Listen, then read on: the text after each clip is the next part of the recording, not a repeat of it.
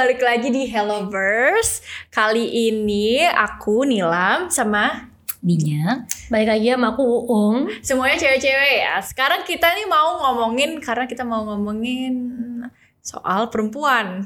Perempuan Soal Indonesia. Perempuan Indonesia. Menjadi perempuan di Indonesia. Iya, ini perksnya gimana kita jadi perempuan di Indonesia.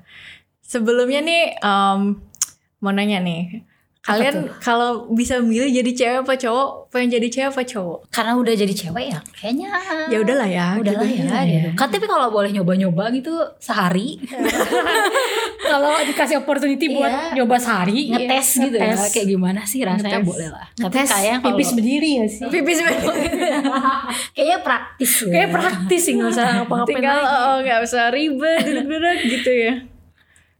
Jadi nggak mau nyoba-nyoba aja. Nyoba gitu. mah gak apa-apa ya, cuma kayaknya untuk sekarang Alhamdulillah aja jadi cewek. Alhamdulillah jadi cewek. Tapi Perempuan. enak gak sih jadi cewek tuh? Emangnya ada suka dukanya. Ada suka duka pros and cons. ada suka Yang untuk di Indonesia.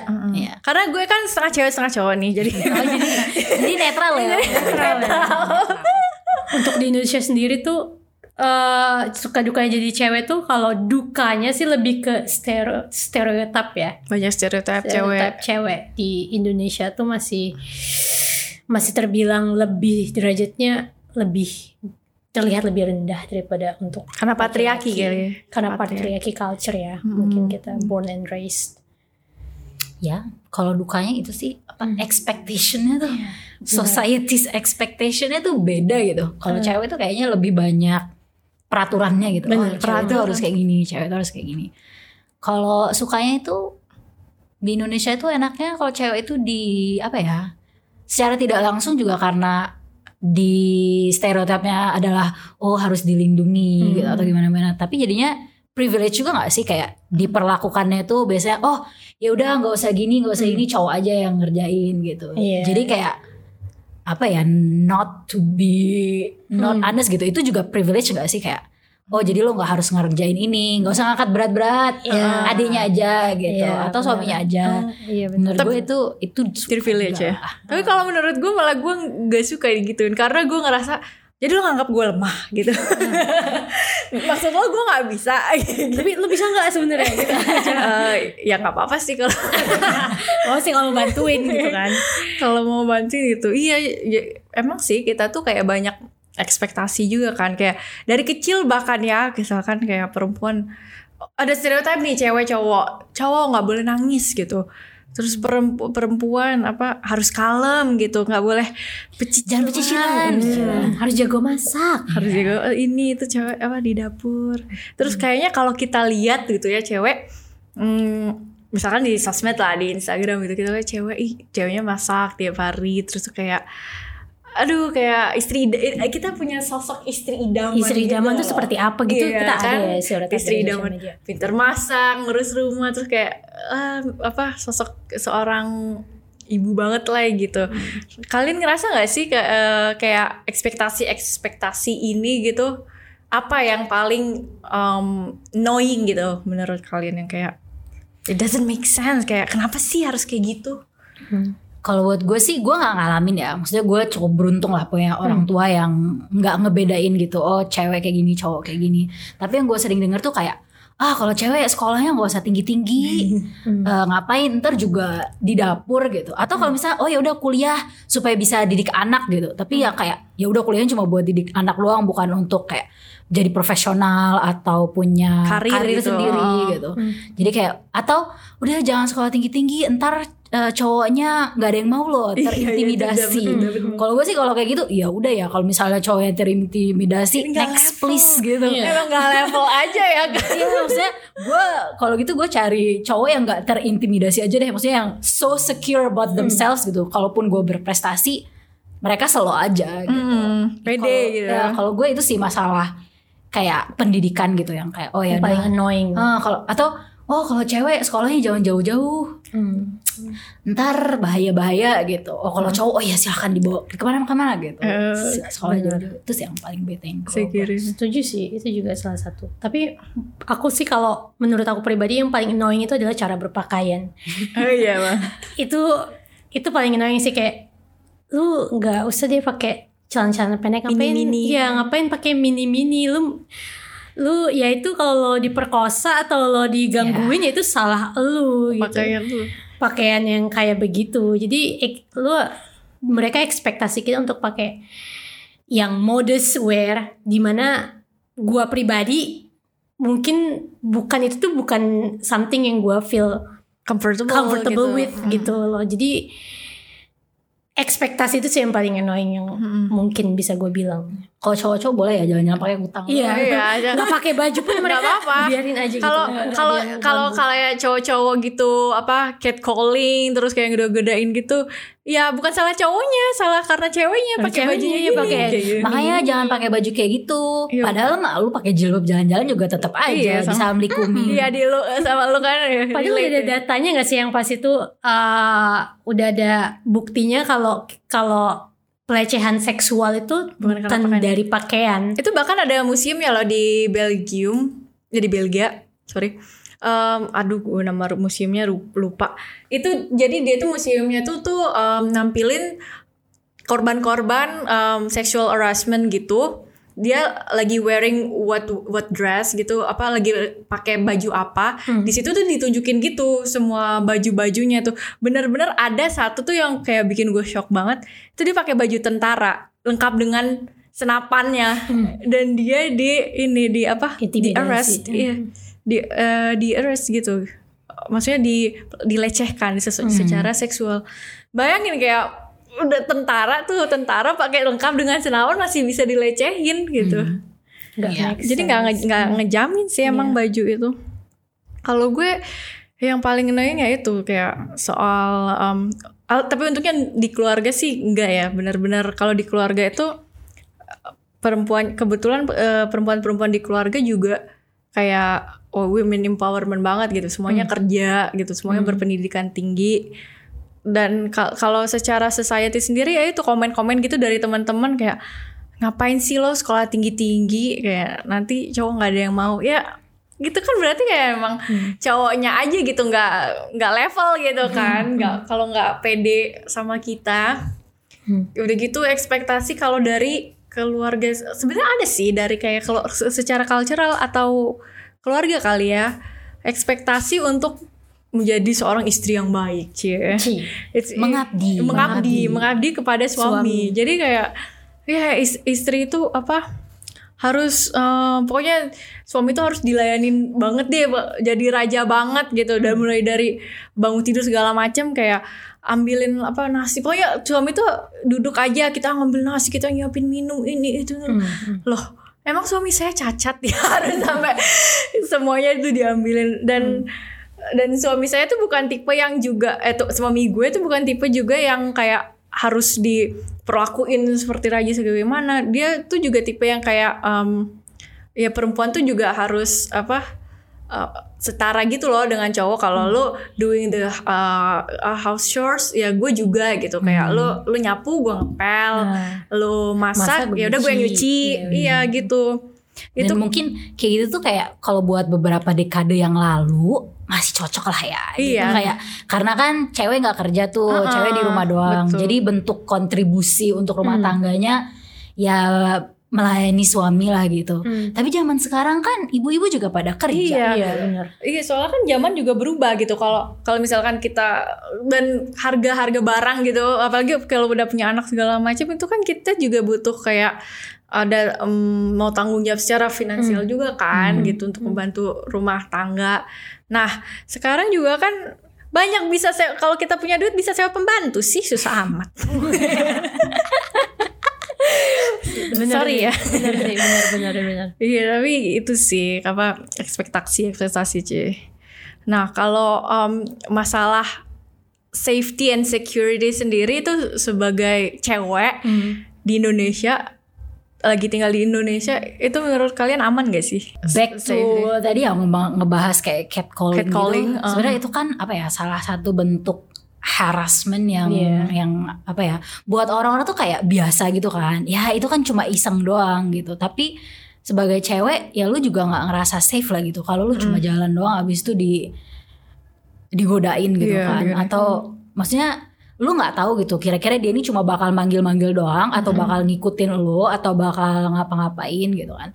Jadi kayak dari bentuk yang itunya aja challenging gak sih? Iya, jadi benar. jadi cewek di Indonesia. Ini on top of all the serious cases of sexual assault gitu ya. Maksudnya yang cuma lowest form aja catcalling aja udah buat males gitu gak sih? Udah paling itu menurut aku juga sesuatu yang kadang orang Indonesia tuh nggak aware ya kalau catcalling itu adalah sebagai bentuk uh, Harassment. sexual sexual harassment gitu yang mereka cuma bilang iseng-iseng iseng doang Pa- orang nggak diapa-apain kok gitu kan. Orang nggak ngapa-ngapain kok cuma tapi sebenarnya ngapain coba? Gue tuh kadang kalau orang catcalling tuh gue emang tujuannya itu apa gitu mas? Hmm, iya, manggil-manggil iya, saya? mas, mas, datengin ya kamu kayak ngapain mas? Ya gue juga pernah tuh lagi lagi isi bensin gitu kan terus lagi mau turun gitu ke WC bentar. Nah pas jalan di WC tuh ada mas-mas gitu kan nongkrong dua dua apa tiga biji gitu lagi jongkok gitu. Kayak sweet sweet gitu kan sweet sweet sweet sweet. Terus gue lewat gue balik lagi dong Kenapa mas manggil-manggil ada masalah? enggak mbak, enggak mbak Keluar ya, jiwa. Emang kadang tuh harus dilawan gitu loh bener. Kayak kesel sih Kayak Emang maksud lo apa bisa sama mau manggil gitu Nggak bisa mau manggil gitu Jadi kita ngerasa takut gak sih kalau kayak gitu tuh mau jalan sendiri tuh dia Iya. takut gitu nggak nyaman uncomfortable. Kalau emang mau kenalan ya kenalan baik-baik gitu Iya. makanya tujuannya itu apa Ah, gitu ah, manggil itu kadang enggak cuma pengen muji doang gitu Hmm. ya Hmm. Iya, disimpan aja mas buat diri sendiri gitu ya Iya, ap- apalagi kalau udah kayak keluar malam gitu-gitu ya juga serem ya di sini. Hmm, bener. Tapi stereotip di Indonesia tuh kayak perempuan stereotip perempuan di Indonesia tuh sebenarnya kalian sadar gak sih kayak masih karena dia tuh masih masih kurang eh, masih kurang edukasi tentang tentang gender stereotype itu sendiri. Sekarang masih banyak iklan yang yang nampilin kalau eh, cewek perempuan tuh di dapur ngurus Hmm. anak sedangkan yang laki-lakinya profesional pakai suit and tie kerja di luar gagah gitu. Unconscious gitu unconscious. Jadi sebenarnya media tuh plays a big part juga gak sih? Kalau menurut kalian tuh gitu nggak? Ya Eh, jelas lah ya. Maksudnya em, kalau misalnya kayak kan gue tinggal di Jerman nih. Kalau Hmm. di Jerman tuh mereka sekarang tuh udah mulai sangat aware gitu kalau misalnya mau buat iklan atau mau buat banner-banner gitu Hmm, kalau hmm. misalnya kayak contohnya kayak profesi gitu kan Hmm. kalau di Indonesia kan kayak udah ada gendernya gitu kan oh polisi cowok Hmm. gitu terus cewek perawat Dokter. Iya, iya. jadi kayak apa ya kalau kalau masyarakat tuh kan kadang di prime gitu ya nggak sadar Hmm, gitu kalau hmm. mereka oh kalau lu ngelihatnya cewek itu selalu perawat atau cowok itu selalu polisi Hmm. ya lu pikirnya oh that's the role I should take in this society gitu. Oh ya berarti itu kerjaan yang harus gua kerjain. Mungkin nggak sadar gitu sebagai Hmm, anak-anak atau hmm. sebagai orang biasa. Tapi karena itu yang lo lihat tiap Hmm, hari kayak di ads di banner-banner gitu jadi lo mikir oh oke that's that's where I should be. Atau kadang kayak iklan-iklan itu tuh kadang seksis gitu tapi kita kayak oh ya that's that's usual. Normal Iya, ya, normalize aja gitu kan kayak. atau jokes kayak komedi-komedi gitu gue kadang kayak oke like di treat di treat ngeras ka- kadang pernah ini gak sih kayak pernah ngerasa gak sih kadang kayak um, women itu di treat sebagai objek gitu? Iya iya banget kalau kayak gitu. Gimana? Iya. ada pengalaman gak atau gimana? Eh, sebenarnya banyak sih pengalaman cuma apa-apa, sebentar, cerita aja. dipikir dulu. Mending kak Denny dulu jadi jawabnya aku mikir dulu ob- pengalaman objektivitas. Apa ya? Treat sebagai objek?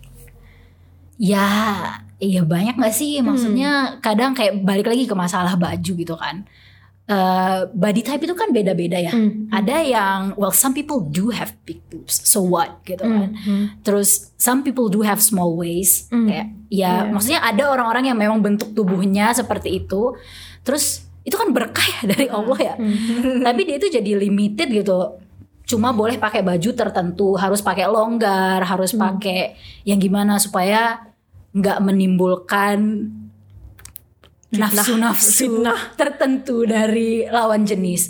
Padahal kan kalau lawan jenisnya ini this is just another human being gitu kan. iya benar Kebetulan aja dia badannya berisi gitu. Which is berkah dari Allah Ah, gitu kan. benar Kenapa harus dilihatnya tuh seolah-olah oh maksudnya this kind of people tuh restricted gitu baju apa yang bisa mereka pakai kayak yang lu bilang tadi waktu awal dan itu kan kalau kalau mereka nggak ngelihat women sebagai objek ya nggak akan kepikiran segitu Mm. maksudnya lo ngelihat cowok kalau misalnya pakai tank top gitu ya ya Ya ya udah, ya gitu aja gitu ya kan. udah gitu Dan iya sih benar kata Kak Denny tadi. Terus juga ditambah juga media ya. Menurut aku tuh media itu plays a big part dalam menstereotypekan perempuan apalagi di mana misalnya ada iklan sampo.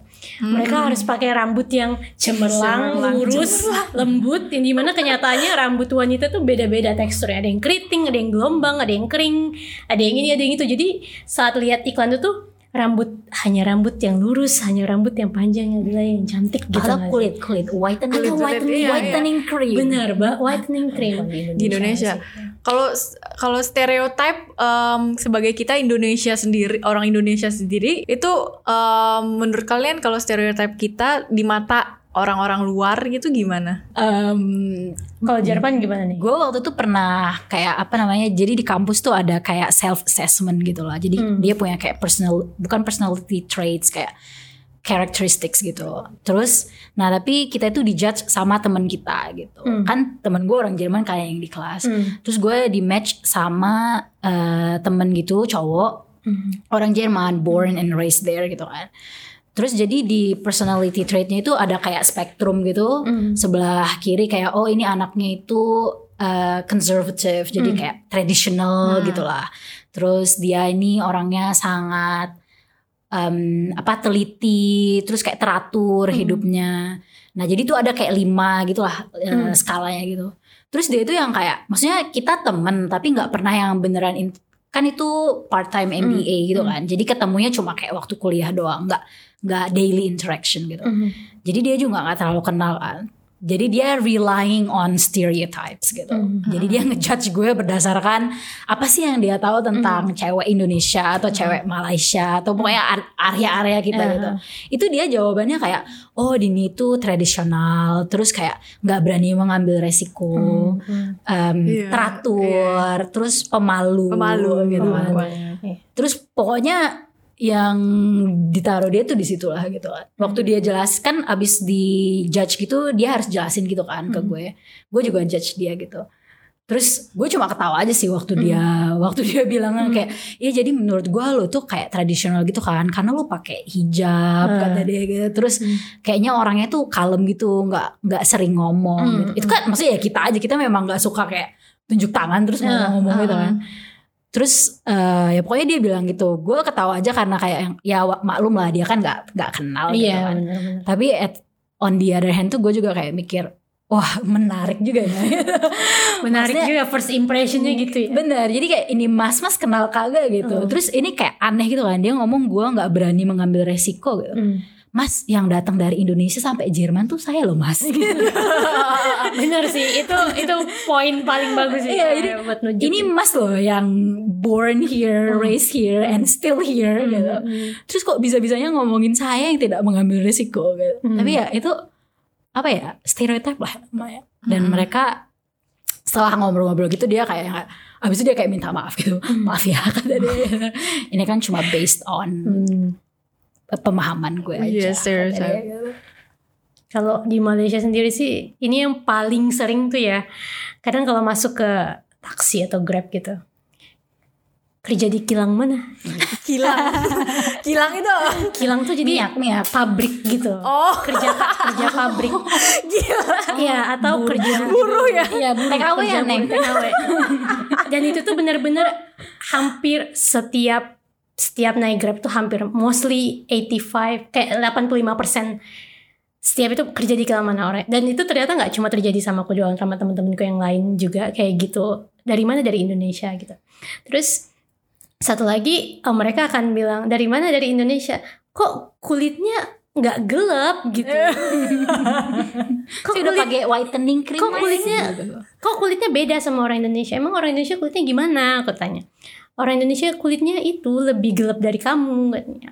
Jadi itu itu sih kadang yang yang bikin uncomfortable ya sebenarnya. Hmm. Tapi deep down tuh oh ternyata kita ternyata begini mereka ngelihat wanita Indonesia di Malaysia gitu Hmm. ternyata kayak gitu itu something uncomfortable tapi itu interesting to know juga at the same time ya, ya udah lah ya kayak ya udah lah pengerti, apa ngerti aja gitu. iya Gak usah diambil hati. terus lah. diambil hati ya bener sih Kalau apa secara nilai tambahnya sendiri gitu ada nggak sih?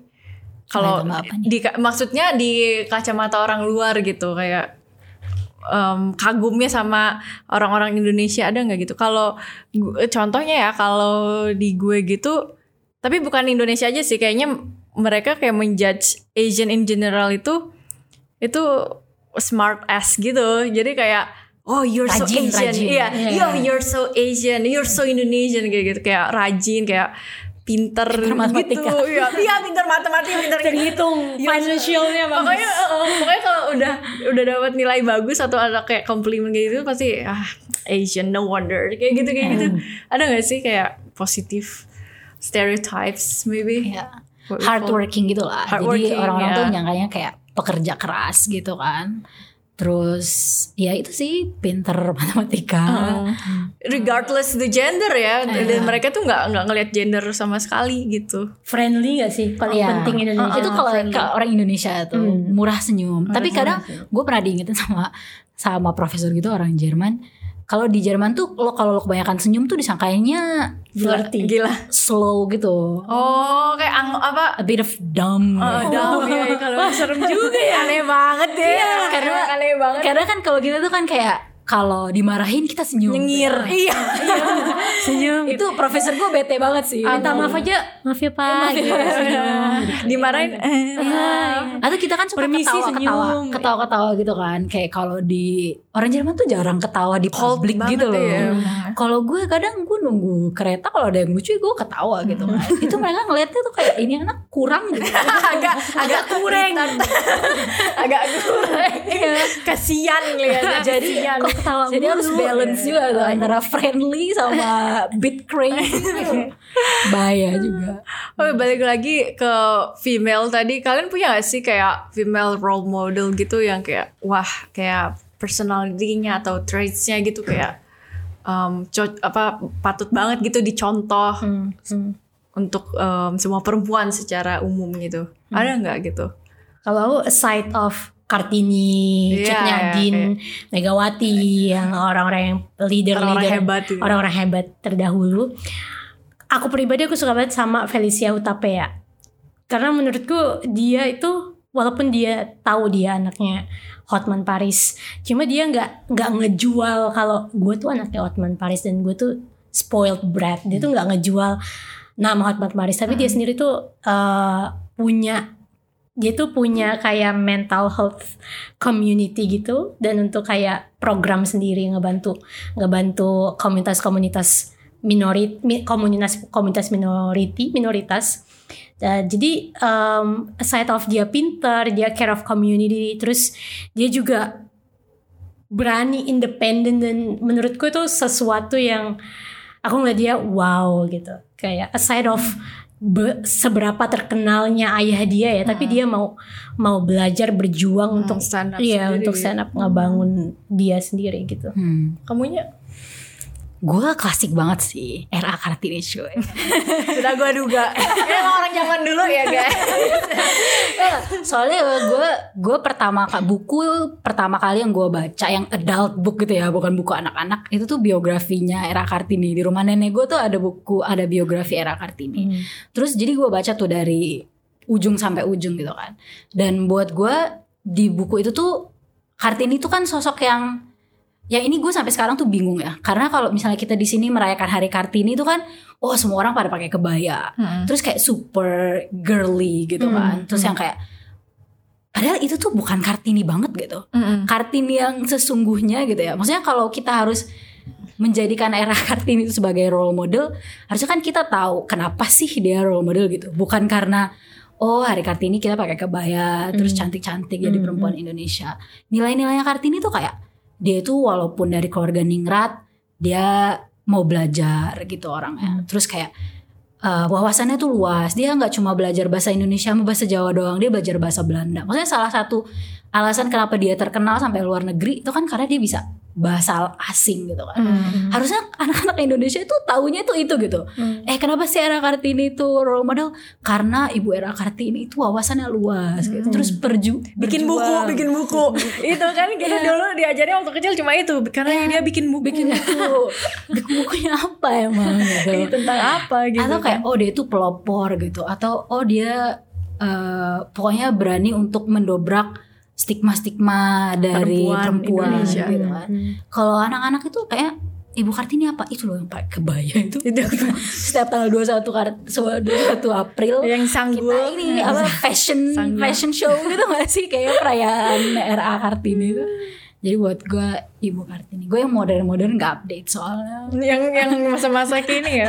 Masa gini. Banyak harusnya kartini-kartini modern sekarang. Seperti hostnya. Apa Iya, sih? maksudnya ya.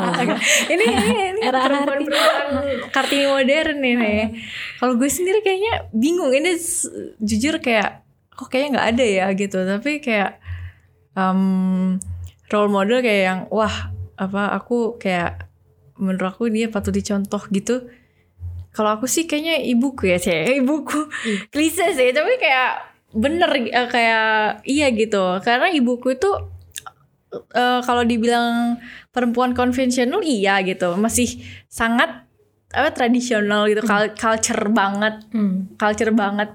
Kayak apa nilai-nilai adat gitu harus tetap dijunjung tinggi pokoknya. Hmm. tapi nilai kekeluargaan juga. Nah tapi di sisi lain dia ini pekerja keras banget pekerja keras banget gitu bukan tipe-tipe ibu rumah tangga yang bisa diem di rumah.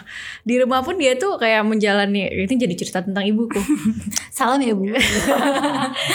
di rumah pun dia punya hobi gitu. Pokoknya nggak bisa diem lah apa nyari kegiatan apa gitu. Dan eh, punya pekerjaan juga gitu.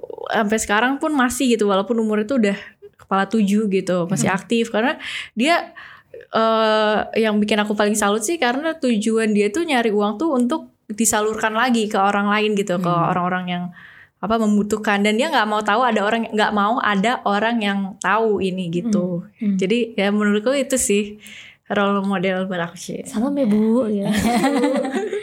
Sudah dipuji-puji sama anaknya. Iya, ibu abis ditransfer. Wah, endorse apa gimana itu ceritanya endorse ya. Dan em, terakhir nih Hmm. ada nggak sih buat pesan buat kalian untuk em, perempuan-perempuan di luar sana tuh yang kayak masih struggle untuk kayak stand up untuk diri sendiri itu kan kadang ada sih kita sebagai perempuan kadang em, kita nggak berani untuk speak up atau stand up untuk ngomong gitu karena kita terlalu takut takut untuk dijudge juga kan kadang dari orang-orang lain malah diserang balik gitu. Mhm. ada nggak apa pesan kalian?